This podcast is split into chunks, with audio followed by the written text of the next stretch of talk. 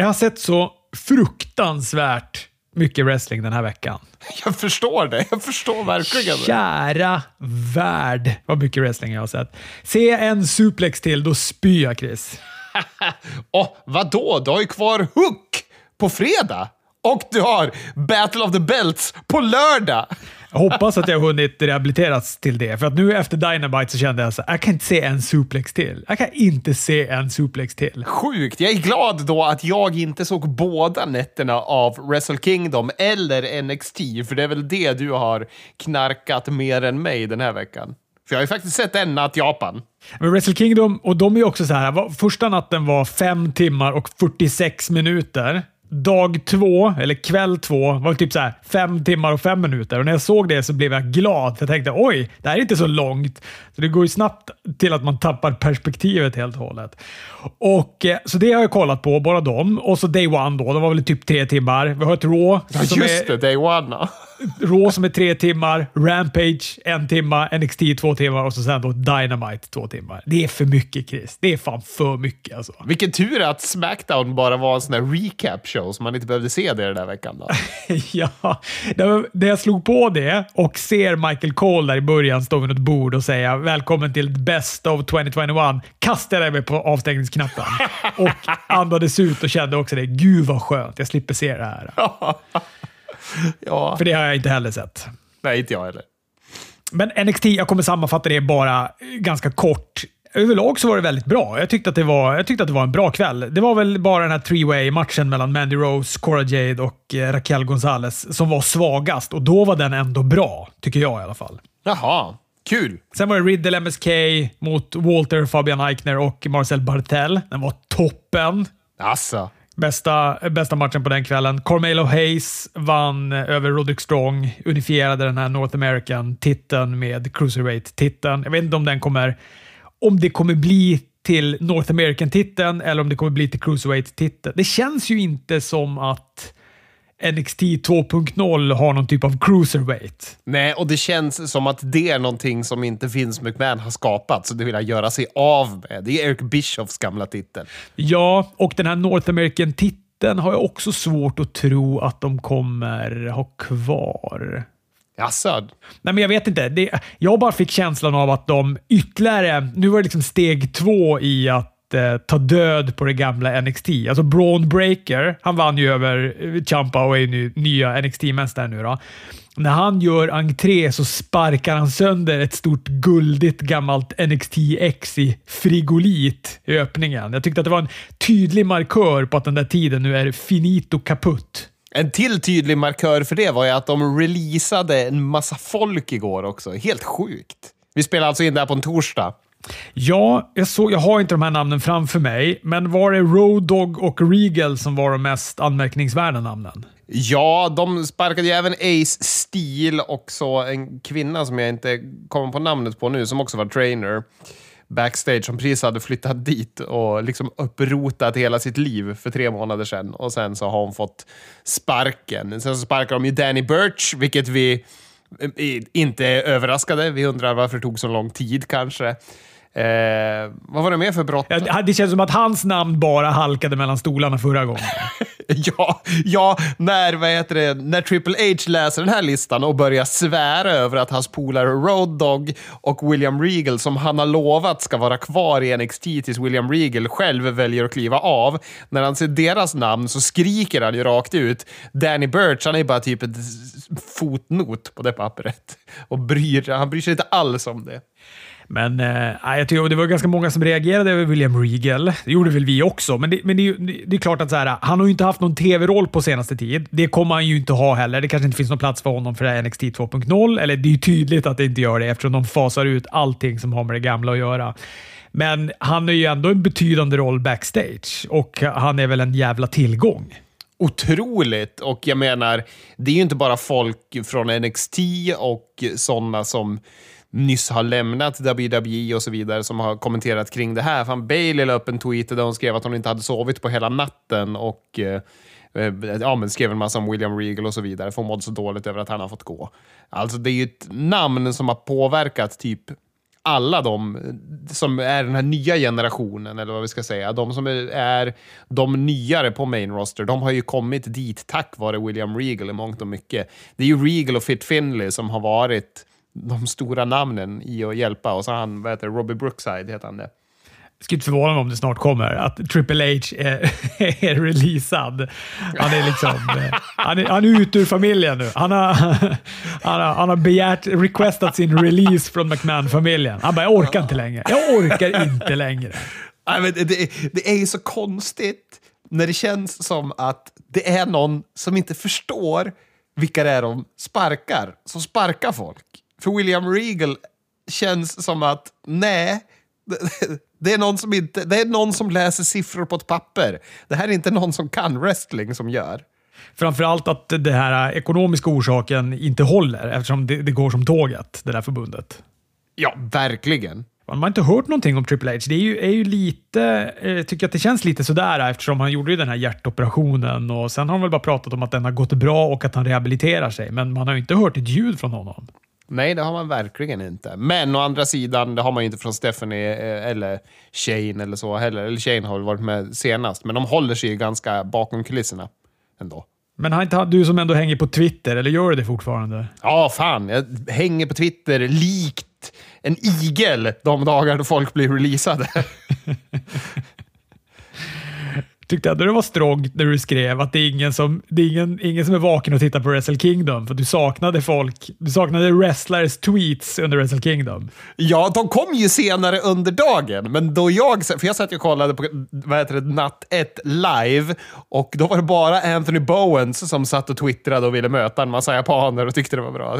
Han ska ha fan ha hatten av. Han satt där mitt i natten och var trött medan alla andra har blivit gammal.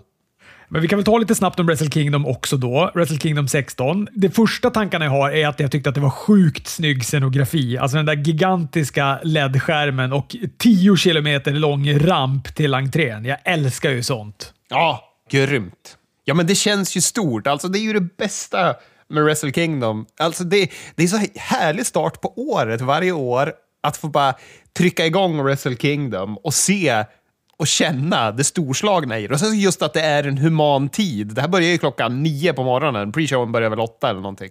Men att kunna sitta och titta på det här och bara njuta av atmosfären. Det var dock lite så här, äh, jag tycker det var jobbig inramning med att publiken är ju så som man hörde på 80-talet att publiken i Japan var på rockkonserter och på sportevenemang. Att de är artiga och applåderar när de ska och så vidare. Men de jublar inte. För det var ju precis så det var. De är alldeles för artiga och lydiga.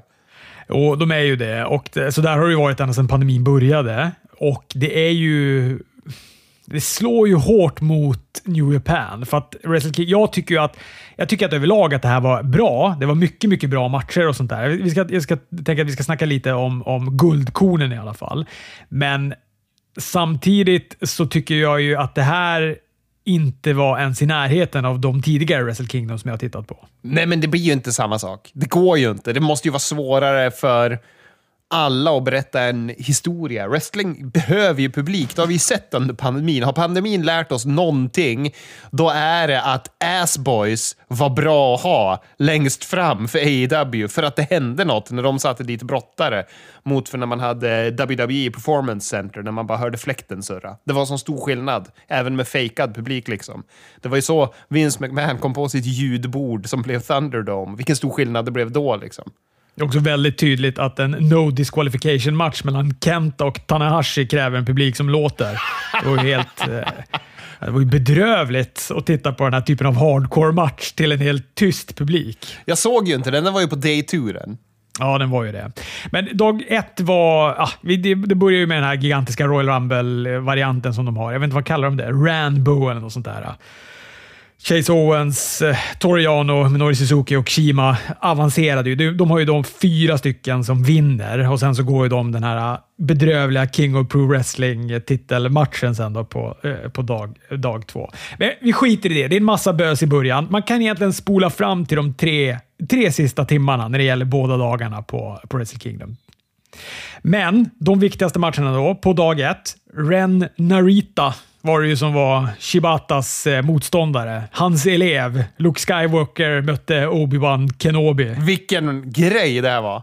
Ja, det var en jävla cool match där. De, såg ju också exakt likadana ut. De hade ju samma frisör och Japp, samma skräddare, japp, de här två. japp, Så att, det var ju ibland lite förvirrande. Jag lyckades lista ut att Shibata hade höga skor och Renarita hade låga skor, så då kunde jag snabbt lokalisera vem som var vem av de här två. Annars var de ju fan helt identiska. Japp, japp, det var de. Och brottades väldigt identiskt också. Och som jag misstänkte, det här var ju mer än samma typ av match som Shibata gick mot eh, Zack Sabre Jr. där på G1 när han gick en sån här grapple-uppvisningsmatch. Han tog ju mikrofonen i början och sa att eh, det här skulle vara en vanlig hederlig Mora wrestling-match. Det var sparkar tillåtna, det var slag tillåtna. Även om det nu mest var Shibata som sparkade och slog mot huvudet på den här stackars Renarita. Jag tror fan inte Renarita ens var i närheten av hans huvud under hela matchen. Nej, men äh, det var fränt. Det var känsloladdat och äh, härligt att, att se det här. De pratade om det också på Wrestling Observer. Då sa Dave Meltzer att han hade fått indikationer på att det här var helt tjott. För det var... Eh, Shibata skulle gå en match där slag och sparkar och sådär inte var tillåtna. Utan det, han kuppade när han tog mikrofonen och sa det där. Jaså? Ja, för de spekulerar ju kring det på vad heter det, ja, men Kevin Kelly och den här tonåringen han kommenterade med. Men, men vad heter det, jag trodde det bara var, var ett work, att de satt och spekulerade kring det. Men eh, de satt ju och skrattade gott kring det faktumet. Där. Bara, vad, vad tror ni de säger backstage? Tror ni det är kaos eller? Vad heter det? Jag kan även säga åt er som vill ha, eftersom vi inte är på video den här veckan, så kan ni ju, eftersom man hette Narita i efternamn, så kan ni ju googla det. Det är det fulaste skivomslaget som någonsin finns. Riots skiva Narita. Det är en rosa sumosäl. Sen kan ni sitta och titta på medan vi pratar. Eh, men bra match. Fint att se honom tillbaka också. Shibata. Han vann, ifall det nu fanns något frågetecken kring det. Eh, Yoshihashi och Goto blev nya tag mästare Tyvärr vann över Zack Sabre Jr och Tanahashi. Jag tyckte den matchen också var väldigt, väldigt bra. Gillade den. Hiromo Takahashi i omöjliga entrékläder. Han var någon sorts färgglad bläckfisk eller något sånt där. Japp, japp, det var han. Det var, ju, är, han är ju en färgbomb. Jag har ju faktiskt en, en, en av hans t-shirts och den gillar min sambo för att den har mycket färger. Mötte El Desperado i en väldigt, väldigt bra match. Eh, Desperado vann den matchen efter två stycken Pinchi Locos. Och så sen så hade vi då också main eventet Okada mot Shingo Takagi om New Japan titelmatchen. Eller om New Japan-titeln. Eh, Klassisk New Japan main event det här. Börjar ju lite mer avvaktande tempo för att sen då växla upp till en sån här omöjlig intensitet som de där kan hålla. Och Det är stiffa grepp, det är slag, 200 near falls och Okada vinner sen på en Rainmaker och eh, är då mästaren. Och då kommer ju Will Osprey in och muckar. Ja, just det. Precis ja. Kallar han fake champion. Och så. Eller nej, det är Okada som kallar honom för fake champion. Ja, ja, ja han pratar ju lite engelska, vilket gjorde mig glad. Men jag tyckte också det var roligt att eh, att Okada vägrade ta på sig det nya bältet. Han stod ju ja. och bugade till det gamla bältet istället. Sen knöt domaren på det nya fula bältet runt hans midja. Ja, det var underbart. Jag tänkte på det hela tiden när jag gjorde den grejen. Nej, men det var bra. Det var ett jätte, jättebra main event. Och Sen så blev det ju då Osprey mot Okada på, som main event på dag två. Den matchen var ju fenomenal. Alltså Den var så fruktansvärt bra, Chris. Jag måste ju lära mig det här. Varför tittar jag alltid bara på dag ett? Jag orkar ju inte med de här tio timmarna. Alltså jag brukar bestämma mig för att se en och då tittar jag alltid på dag ett. Men det är alltid den bästa matchen på dag två, så jag fattar inte varför jag alltid gör så här. Nej, men grejen är så här. Jag vet väl inte om... Jag tror att jag tycker att Osprey och matchen var bättre, men jag vet inte om den var rent brottningsmässigt så mycket bättre. Men däremot är jag ju mer förtjust i, i eh, Osprey än vad jag är i Shingo, så därför så blir jag ju mer investerad i den matchen. Ja, men och sen så är det ju, det var ju mer upplägg där också. Det kändes ju, alltså, tittar man bara på hantverket med Shingo och Kada, det är ju härligt och så, men jag kände ju inte det här eh, att jag brydde mig så mycket mer än att jag ville se bra wrestling när de två gick in och massa sjuka grejer. Osprey, alltså, du vet när han sätter igång. Han klättrade upp på en, någon sorts ljusrigg. Jag vet inte hur många meter upp han var i luften. Gjorde en moonsault. Träffade väl kanske med handflatan Okada. Sen tog han liksom resten av smällen med meniskerna när han landade på det jävla betonggolvet som de har. Aj, aj, aj, aj, aj, aj. duktiga på att kasta, så här, sula sig in i det här äh, kravallstaketet de har och det här betonggolvet. De behandlar ju det som om, om det är en, en sån här höjdhoppsmatta eller någonting. Alltså de måste ju ha lagt all budget de har för kravallstaket, det lägger de ju på den där rampen varje år. För de har ju något kravallstaket som de har hämtat från en högstadieskola. Det är så rappligt och, och lågt också. Det är det sämsta kravallstaketet i wrestlingvärlden. Det där jävla Tokyo Dome-staketet. Men undra om det också det gör någonting med helheten med Wrestle Kingdom. Du vet, de har den här vräkiga LED-skärmen. Jättelånga rampen. Och alltså, nu menar jag ju jättelång. Alltså, har ni inte sett? Tycker ni att WWE har lång ramp på WrestleMania? Så de, de har inte en Janne på New Japan Pro Wrestling när de dunkar upp den här Wrestle Kingdom-rampen. Den är lång. Alltså den är så fruktansvärt lång. Du kan nog titta på ett helt rampage under tiden som en brottare gör entré. För att den tar sig till ringen. För att den är så lång den där rampen. Men, och så har de det och det ser väldigt maffigt ut och så är det i eh, Tokyo Dome som är den här gigantiska arenan. Och det. Men sen så har de ju då de här, ett det där budgetkravallstaketet runt om. Ful jävla ring för att de har ju bara tryckt upp reklam ja. på varenda liten fri yta som finns på den där ringen. Så det ser ju för jävligt ut. ja. Och så sitter det ju så mycket funktionärer runt omkring. Äh, det är så konstig inramning, men den är perfekt. Men det är också så här, om man är van att kolla på WWE, du vet, de är ju så smidiga alla kameramän. Du, vet, du ser ju aldrig någon kameraman. Man tror ju typ att det är en kamera som de filmar allt med, för att det, är ju sällan du ser någon. Det var någon gång här för inte så länge som jag, som jag såg någon låg klistrad längs eh, kravallstaketet när Randy Orton stod och poserade i så svarta kläder, så att han verkligen smälte in i den här... Eh, ja, de har den här med klädda då, kravallstaketet som, som WWE har. Barrikaden. Men på New Japan, där skiter de fullständigt i det. De springer ju framför kameran med vanliga kameror och ska fotografera och det är rätt så här dunk, så här dåligt ljussatt ibland också när någon kommer in och såna här saker. ja. Charmigt. Ja.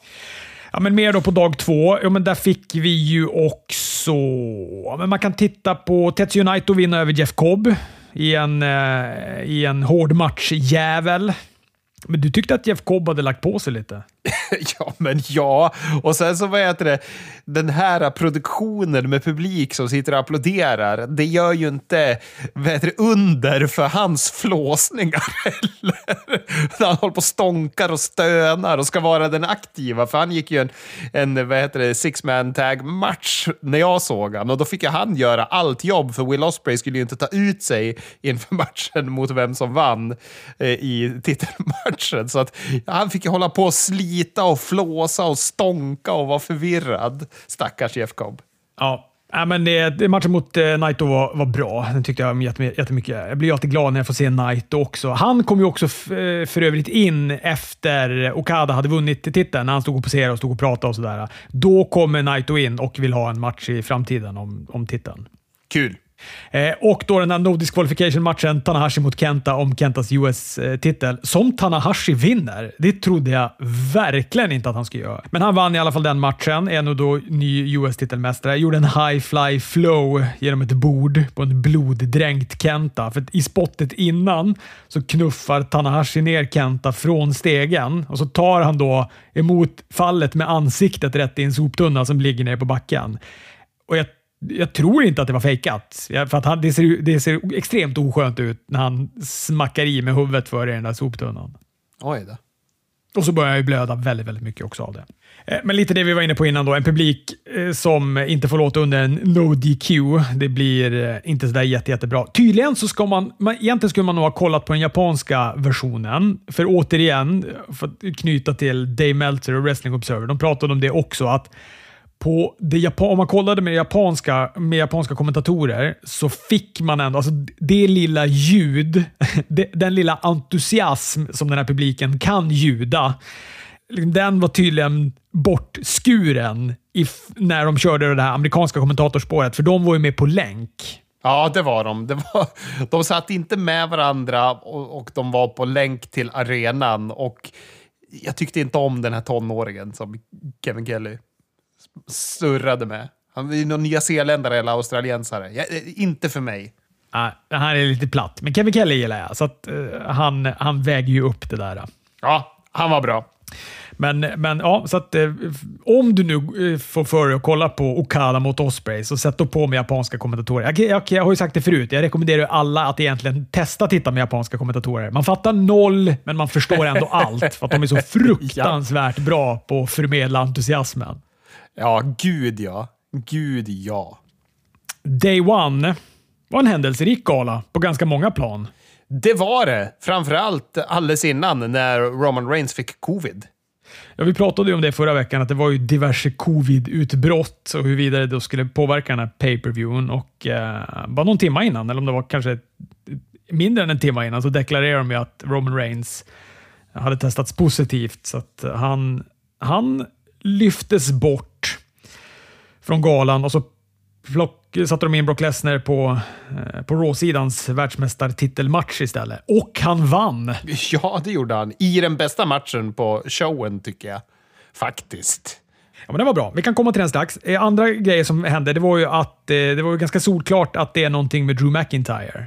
De gjorde ju en sån eh, “han ska vara borta ett tag” spot efter hans match mot eh, Madcap Moss. Eh, Moss och Corbin hoppade på honom och tog ut honom rejält när han blev intervjuad backstage. Ja, men ska man bygga upp honom mot Roman kanske, så att Roman har någon att gå mot efter Brock Lesnar? Ja, men jag fattar det som att han är skadad. Alltså att han, är, det, han har något problem med nacken, så att han kommer nog vara borta ett tag. Och Det var därför de gjorde en sån här äh, vinkel av det. Så att jag tror inte att... Jag tror att planen var nog att ha honom till Royal Rumble, men, äh, men nu måste de nog hitta no någonting annat. För jag tror inte att äh, Drew McIntyre kommer att vara tillbaka till Royal Rumble. Då skulle man inte göra en sån här stor grej av det. Du tror att det är så pass? Ja, det tror jag. Det tror jag.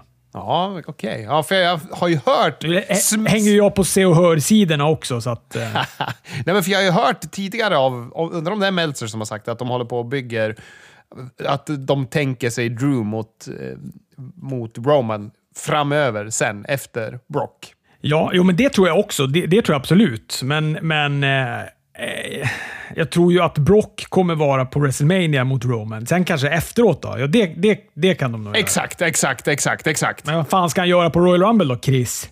Vem då av dem? Ja, men Roman Reigns. Ja, stå och titta. Han kanske ska ha en lång entré, för han har ju ingen motståndare längre. ja, men det är ju det. Han har ingen motståndare. Den enda då, förutom Brock Lesnar, på Smackdown-rosten som hade kaliber av att vara main event, det är ju Drew McIntyre. De skickar in Mansour. Nej, jag vet inte. De har ju ingen. De har verkligen ingen brottare som ens är uppe och nuddar på hans nivåer. Jag, jag sitter nu och försöker komma på på riktigt och jag kan inte komma på någon.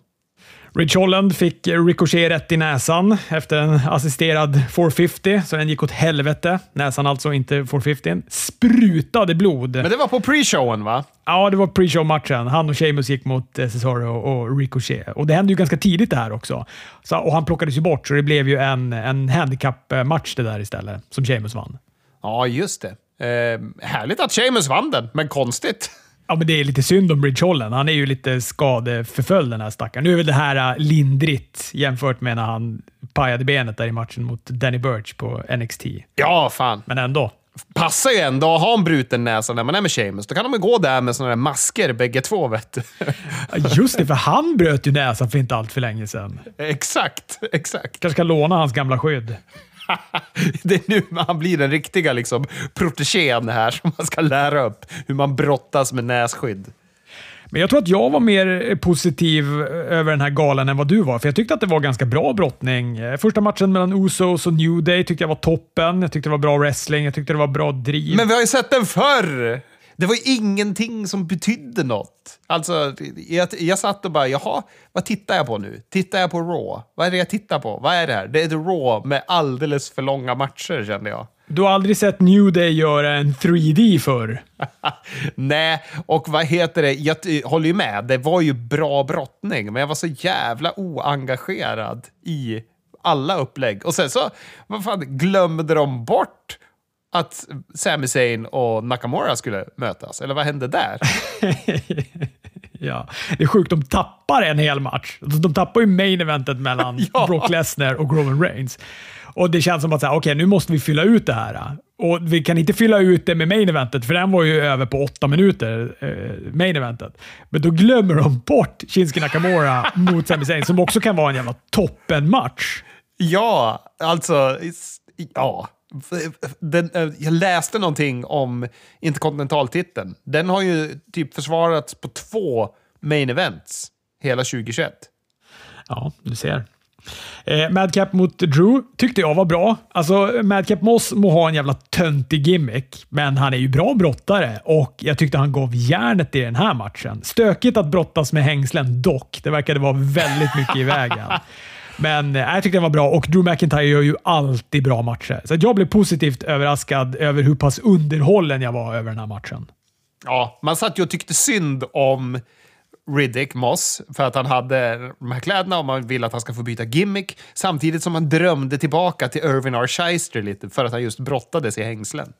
Och så tyckte jag att det var bra att Drew fick vinna den här. Om det nu är skada. Alltså det var bra att han fick vinna den här matchen, för han ska vinna över Madcap Moss. Hur höga de ännu än är på Madcap Moss. Men han ska ändå vinna den. Och att de gjorde skadeangeln sen efteråt och inte under den här matchen.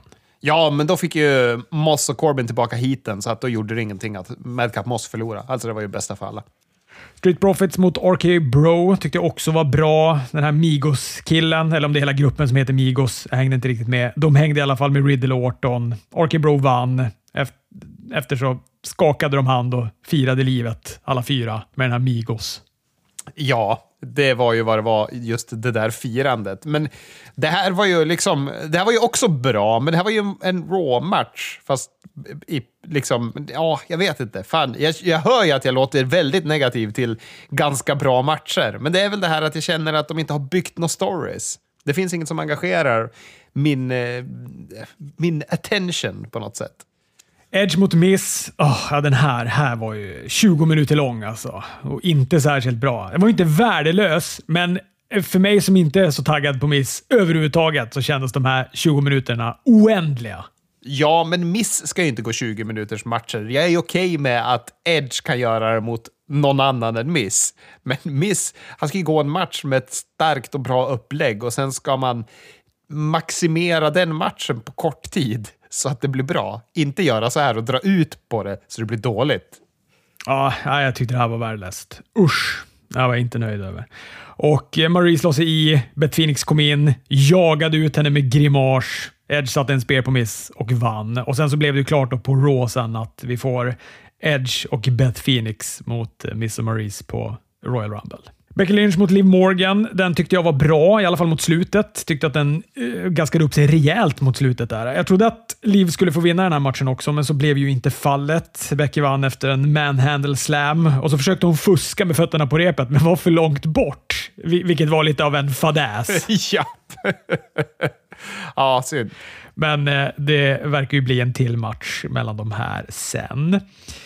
Johnny Knoxville i Royal Rumble. Jag som ändå är ett stort Johnny Knoxville-fan blev ganska glad av att se det här. Han håller ju på och arbetar på att få bli med i WWE Hall of Fame. Det är det, förstår ju alla. Men måste man inte ha någon koppling till wrestling? Alltså Johnny Knoxville har väl ingen som helst koppling till wrestling? Har de, ja, Jackass-gänget kanske varit med någon gång tidigare i och för sig, när har släppt någon film. Nej, men han, han, han kommer ju ha det nu. Det är därför han är med tror jag. Han kommer in och sen så blir han utkastad av Omas och sen så går han hem. Han gjorde väl någon film där tidigt i The Rocks karriär. Så gjorde han väl en film som heter Welcome to the Jungle. Kan den ha hetat så? Ja, precis. Som hette Heldorado och eh, grejer också. Den hade lite olika titlar. Eh, main eventet var mellan Brock Lesnar, Big E, Kevin Owens, Seth Rollins och Bobby Lashley. Under 10 minuter långt. Perfekt längd. Tyckte det var bra tempo. Alla gör sina paradgrepp. Publiken är taggade. Brock Lesnar vinner med en F5 på Big E. Så det är ganska tydligt att det här är ett bokslut för tiden med Big E som champ. Ja, verkligen. Och så var det väldigt tydligt att de lutade mot eh, eventuellt då ha Bobby Lashley mot eh, Brock Lesnar eftersom Bobby Lashley var den enda som inte lyckades åka på en F5. Ja, och det är ju en bra parning. Fan, Bobby Lashley, vad bra han har utvecklats under 2021 ändå.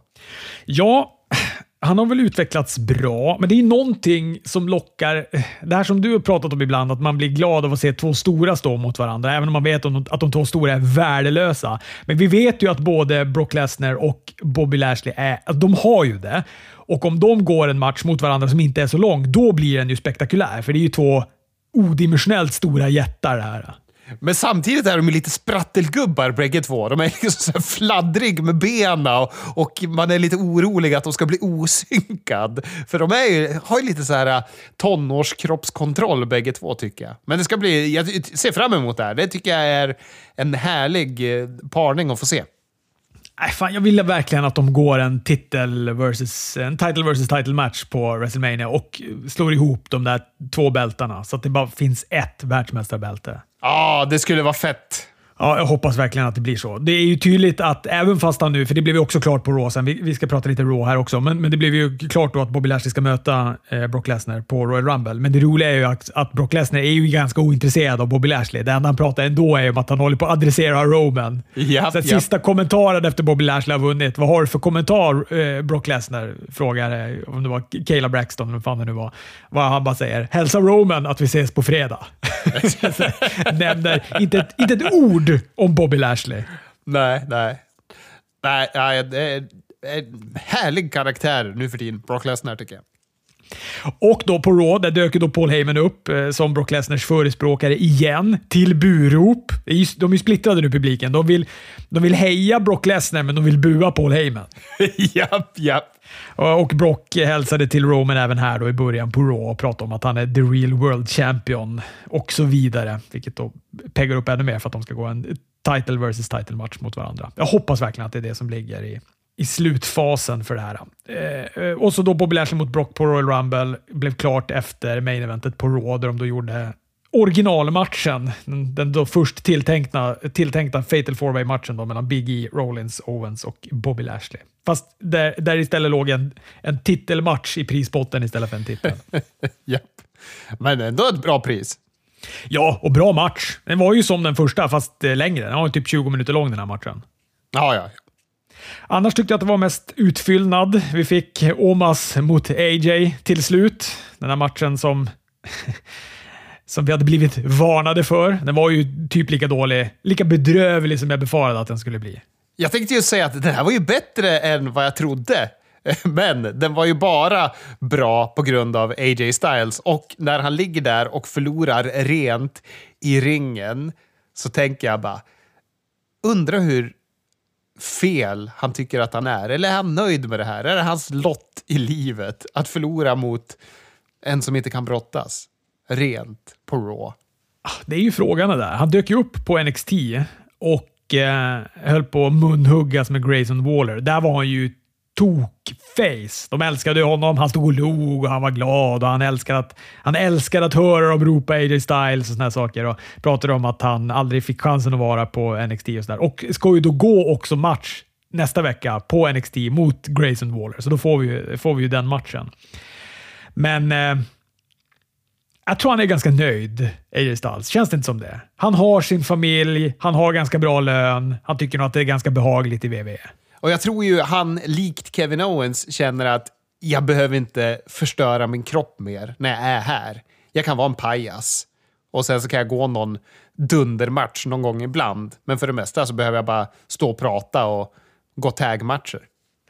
Kevin Owens känns ju som att han tänker exakt så, utom det där med att han inte behöver paja sin kropp. För att han går ju matcher som om, om, om det är hans sista varje gång. Han, höll på, han slängde sig från den här balkongen och gjorde sentonen på på day one här, eller om det var på Raw-matchen. Men eh, han, är, han går ju all in. Alltså det, gör han ju. det ska han ju ha något för. Verkligen. Ja, nej. Han, eh, han sa att han skulle ta det lugnt, men han har tydligen glömt bort det. Sen var det Nicky Ash och Rhea Ripley. De förlorade en tag team titelmatch mot Queen Selina och Carmella. Jag tror Rhea Ripley var inne i fyra sekunder totalt i starten. Sen var det mest Nicky som fick spö och sen också förlorade lite från ingenstans efter någon minut. Och Rhea också tydligt besviken på eh, Nicky Ash även denna vecka. Det känns ju som att man bara väntar på att hon ska tröttna och vända satan på henne. Ja, och bra är väl det. Ziegler och Damien Priest gick US-titelmatch. Den vann Priest. Eh, jag eh, tyckte han var bra. Priest förlorade ju även ifall han eh, skulle drabbas av humörsvängningar och bli Damien. Med andra ord så hade han förlorat ifall han hade blivit diskvalificerad. Han hade förlorat titeln även om han hade blivit diskvalificerad. Men han höll sig i skinnet och det var väl för väl. Även US-titeln har ju försvarats på typ tre pay-per-views, eller två pay-per-views under 2021. Så mycket bryr de sig om de här titlarna. Men det var ju, jag kommer inte ihåg vem det var, men det var någon som twittrade ut efter den här matchen att du kan inte gå en dålig match mot Dolph Ziggler. Och det stämmer nog. Tyckte att det var roligt att publiken också var lite höga på Dolph Ziggler. Det fanns ju några eh, near falls från Dolph Ziglers sida där publiken gick bananas. Ja, han satte ju en eh, vad heter det, Famouser va? Och eh, då var ju publiken riktigt med. Miss Maurice och Edge och Beth Phoenix-segmentet eh, fortsatte där. De har ju sin fade. Det blir match mellan dem på Royal Rumble. Becky Lynch och Liv Morgan fortsätter sitt upplägg. Nu är Bianca Belair ännu en som har förlorat upprepade gånger mot Becky Lynch med i den ekvationen. Men det blir ju bra match i alla fall. Även om dramaturgin känns lite vilsen så blir det ju bra ifall Bianca Belair är med. Hon är ju, hon är ju grym. Nu tryckte de i och för sig i Doudrop också i den där. Alltså att Liv, Bianca och Doudrop ska gå match där vinnaren möter Becky Lynch på Royal Rumble. Japp, japp. Ja, vi släpper VVE och så tycker jag vi ägnar röstkapacitet åt AW nu istället. Vi har ju Rampage och framförallt så har vi ju Dynamite-premiären på TBS. Uh, vi börjar med Rampage, som jag tyckte var kanon. I alla fall den här streetfighten. Det var en streetfight som hette duga. Penelope Ford och Bunny mot Anna Jay och Ty Conti.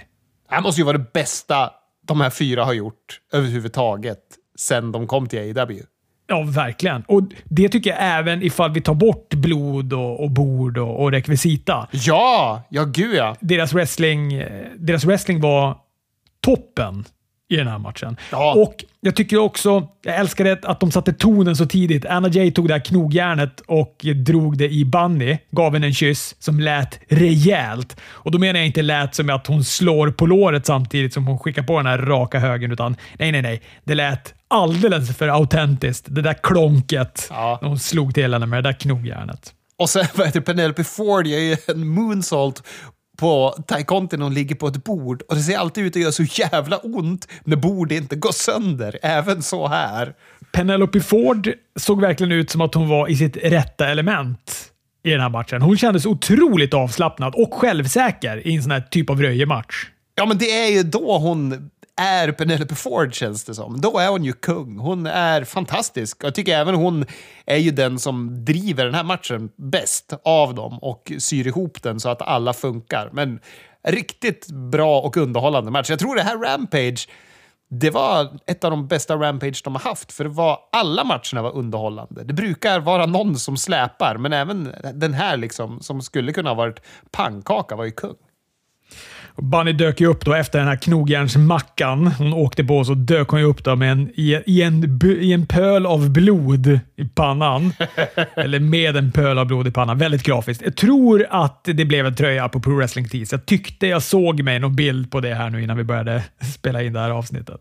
Ja, ja, ja. Och sen börjar Ty Conti också blöda. Hon får ju en flaska i huvudet av, i huvudet av Penelope Ford. Hon gör också en RKO på Ty Conti över en stege. Såg inte heller sådär superskönt ut. Och eh, Bunny tog en suplex från topprepet på en bädd av häftstift. Conti satte Ford i en Gotch style pile driver från ringkanten genom ett bord och sen lyckades då Bunny få fram sin, sitt knogjärn igen och skulle då ge sig efter Anna Jay, men då halkar hon i spagat på de här häftstiften. Det var jävligt snyggt gjort. Ja, det såg inte skönt ut. Och sen Anna Jay då har rullat in sin arm i taggtråd, sätter Bunny i en Queenslayer som tappar ut pronto. Ja, men kul match. Ja, verkligen. Och så hade vi då Bowens mot, Anthony Bowens mot Darby innan. Tyckte också det var en bra match. Den vann Darby och efter så tittade Andrade El Idolo in och applåderade. Japp, det... Samtidigt som Acclaimed hoppade på Sting bakifrån. Men är, för Andrade och Malachi Black, det får vi väl se som avslutat nu va? Ja, det hoppas jag. Men jag känner mig inte helt främmande för att de klistrar ihop Andrade med The Acclaimed istället. Nej, det är ju lite konstig parning, men vi har ju sett alla konstiga parningar som har funkat i AEW. Att man tar underliga människor och sätter dem med varandra och det blir bra. Jag tycker också det känns som att det skulle kunna gaska upp Acclaimed-aktien en del ifall de fick hänga med Andrade eller Idolo. Ja, det senaste med Acclaimed tror jag är att de fick Tony Khan att börja skratta och bryta karaktär i ringen. Det verkar vara något sånt som florerar på, på Twitter. De har ju en liten fade med Tony Khan när de hela tiden försöker utmana honom till en rap battle och han vägrar. Eh, main eventet Cody mot Ethan Page om eh, TNT-titeln. Också jättebra match. Cody behandlades som John Cena av publiken. Det var Let's Go Cody, Cody Sucks och så vidare. Tyckte också att han hade en härlig tröja med de här tre boxarna och så stod det Face, Heel och Winner, vad den sistnämnda var, ibockad. Yep. Och eh, Cody vinner efter två crossroads och en Tiger Driver 98. Ja, men väl, väldigt bra Rampage. Just att det var, alla matcherna var solida och det går ju så fort, Rampage. Det går så jävla fort.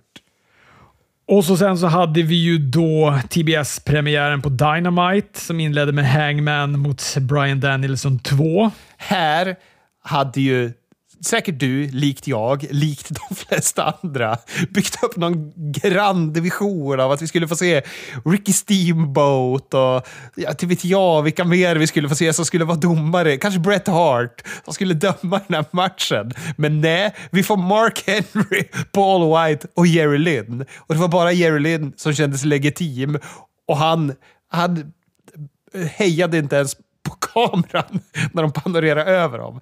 Det var en typisk Tony Khan eh, miss på något vis. Att man har annonserat att det ska vara domare och det är de här tre. Han var så jävla blygsam, Jerry ja. alltså, han var, De andra du vet, ställde sig upp och började vinka och ta plats, men Jerry bara satt och såg butter ut där i mitten. Också väldigt ihopklämd mellan de här två. I stolen ja. mittemellan Mark Henry och, och Big Show. Men det var väl heller ingen som trodde att den här skulle gå. Det var ju snyggt att de började med den här matchen för att det skulle vara lite känslan av att ja, vi får se. Det här kanske också går till en draw och då har vi domarna här som ska avgöra då den här matchen. Exakt. Alltså jag tyckte att den här var jätte, jättebra. Toppenmatch, absolut. Men jag tyckte att den förra var bättre. Jag förstår, att, jag förstår det som att folk på internet är av en annan uppfattning, men, men jag tycker att det här också var en annan typ av match.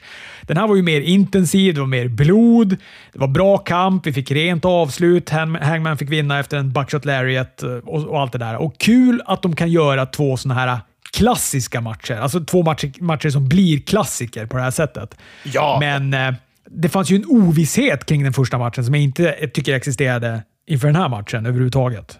Jag tycker att dramaturgin i den här matchen var fantastisk. Jag tycker att Ja, jag vet inte. De har satt en för hög ribba nu för sina titelmatcher.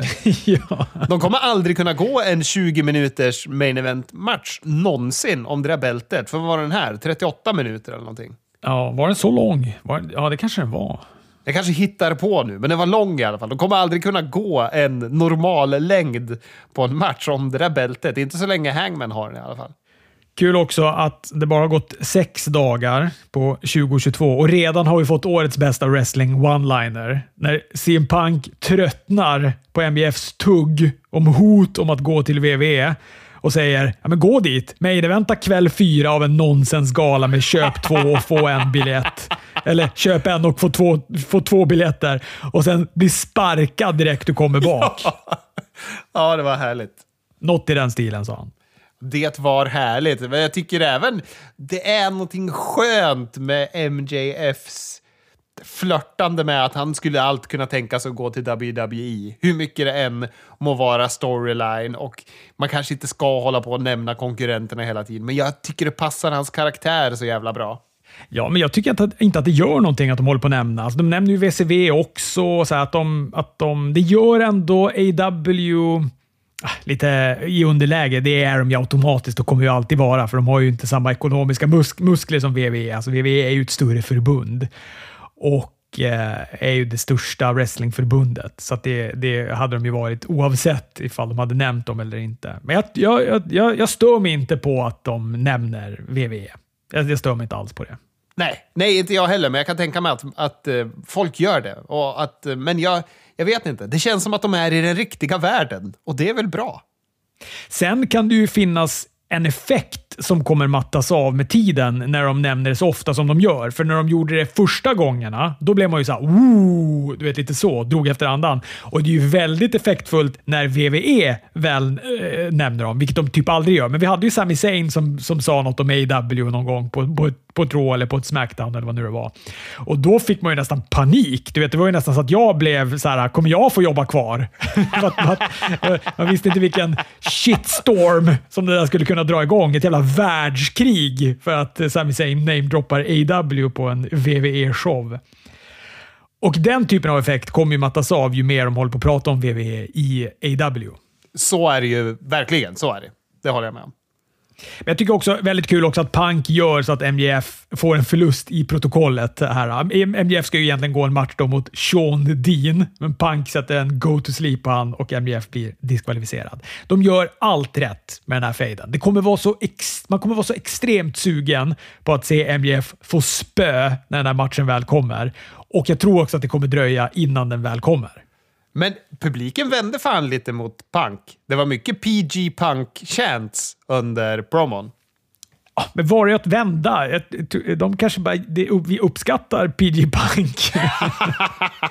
de uppskattar Humble Punk. Eller om de inte fattar vad det är de tjäntar. För Jag tyckte att det var... Jag reagerade också på det, men jag tror att jag reagerade, reagerade mer på det för att jag tyckte att det var lite konstigt. För att de var ju på Punks sida hela den här eh, under hela det här segmentet i övrigt. Det var ju bara där de hakade på och, och ropade PG Punk. Ja, jag tycker de var mer splittrade än vad, vad, vad du upplevde dem faktiskt. Och det var ju en del, nu förstår man ju att de buar när han sänker eh, vad heter Captain här med vad heter det, Go to Sleepen, för de fattar ju inte vad han gör först. För då var det ju en massa burop när han lyfter upp honom för Go to Sleepen.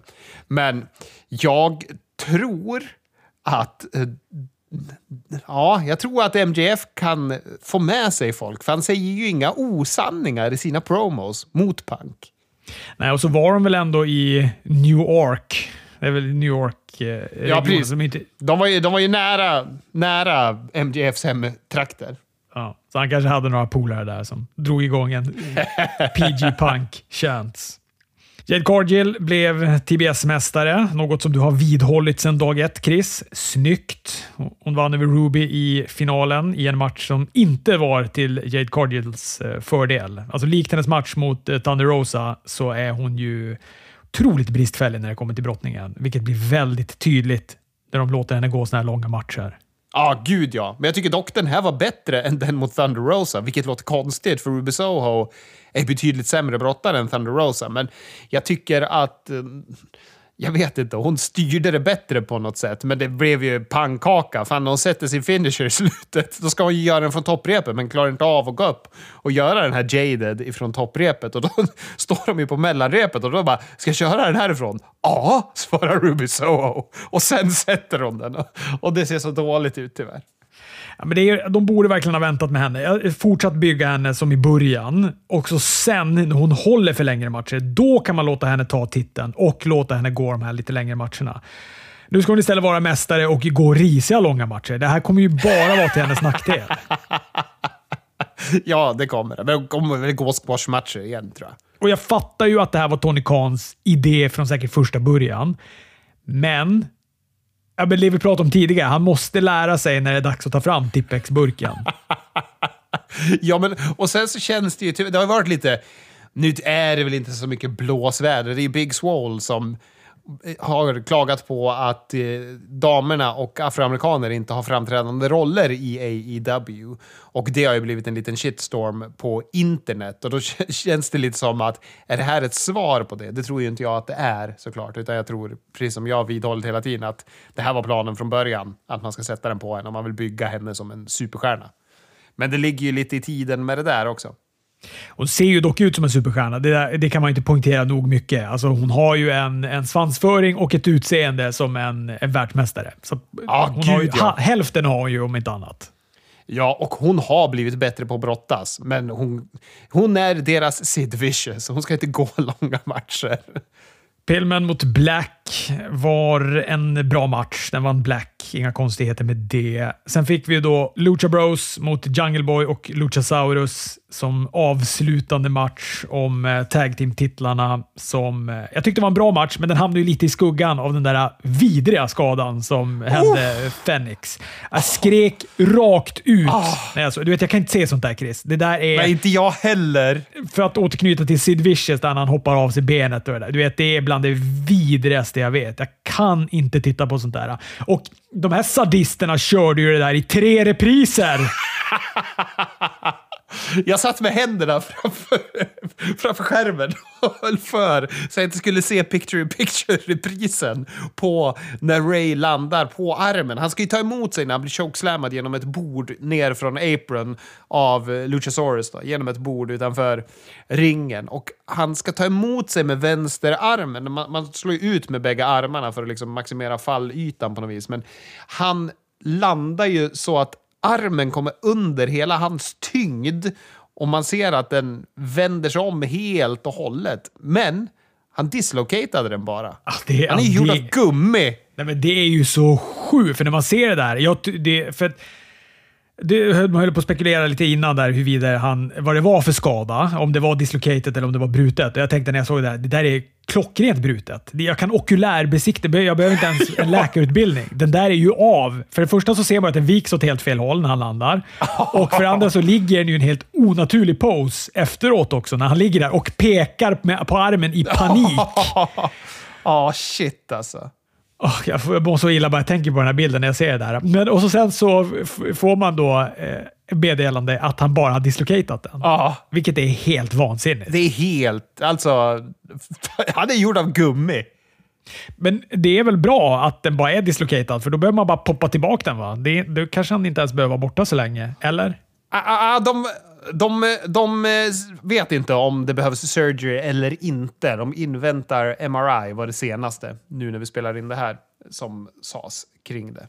Sen är det väl så, har det väl börjat hoppa ur en gång så finns det väl risk att det hoppar ur fler gånger också. Så är det i alla fall med axlar och sånt där när de hoppar ur led. Men alltså, ja, om ni tycker det var jobbigt när Thomas Brolin snurrade runt benet i den gamla fotbollsmatchen så är det här ännu värre. Så tycker ni det var jobbigt, titta inte på den här bumpen kan jag säga.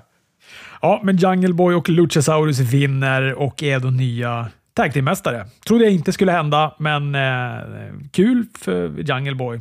Får se hur länge de får ha den där. Efteråt så dukar de ju upp varenda tag team de har i AW som stod och stirrade med onda ögon på dem. Men det var ju mer konstigt, för lamporna slocknade, men ingenting hände. Ja, det där får man ju passa sig för. Och Speciellt när Tony Khan har varit ute innan och pratat om att, att eh, den största signingen, eller att han hade någon, någon drömsignering, är på intåg i AW. Så släcker de då ner lamporna. Han, är, han får ju passa sig. Du vet, han, vi har ju pratat om det där tidigare. Att han lovar tungt men håller tunt. Och nu börjar han också Ja. släcka ner utan att leverera någonting. Det var så konstigt. Och det, det kändes... Alltså jag satt bara, jaha, vad var det här? Var det tänkt att Brody King skulle komma nu, men de ville inte göra det för att Phoenix var skadad, så de ville inte skicka in han, för det var ju Lucha Bros som började mucka med Malakai. Vad händer här? Vart det bara tok? Men det är nog bara Tony Khan som är förvirrad.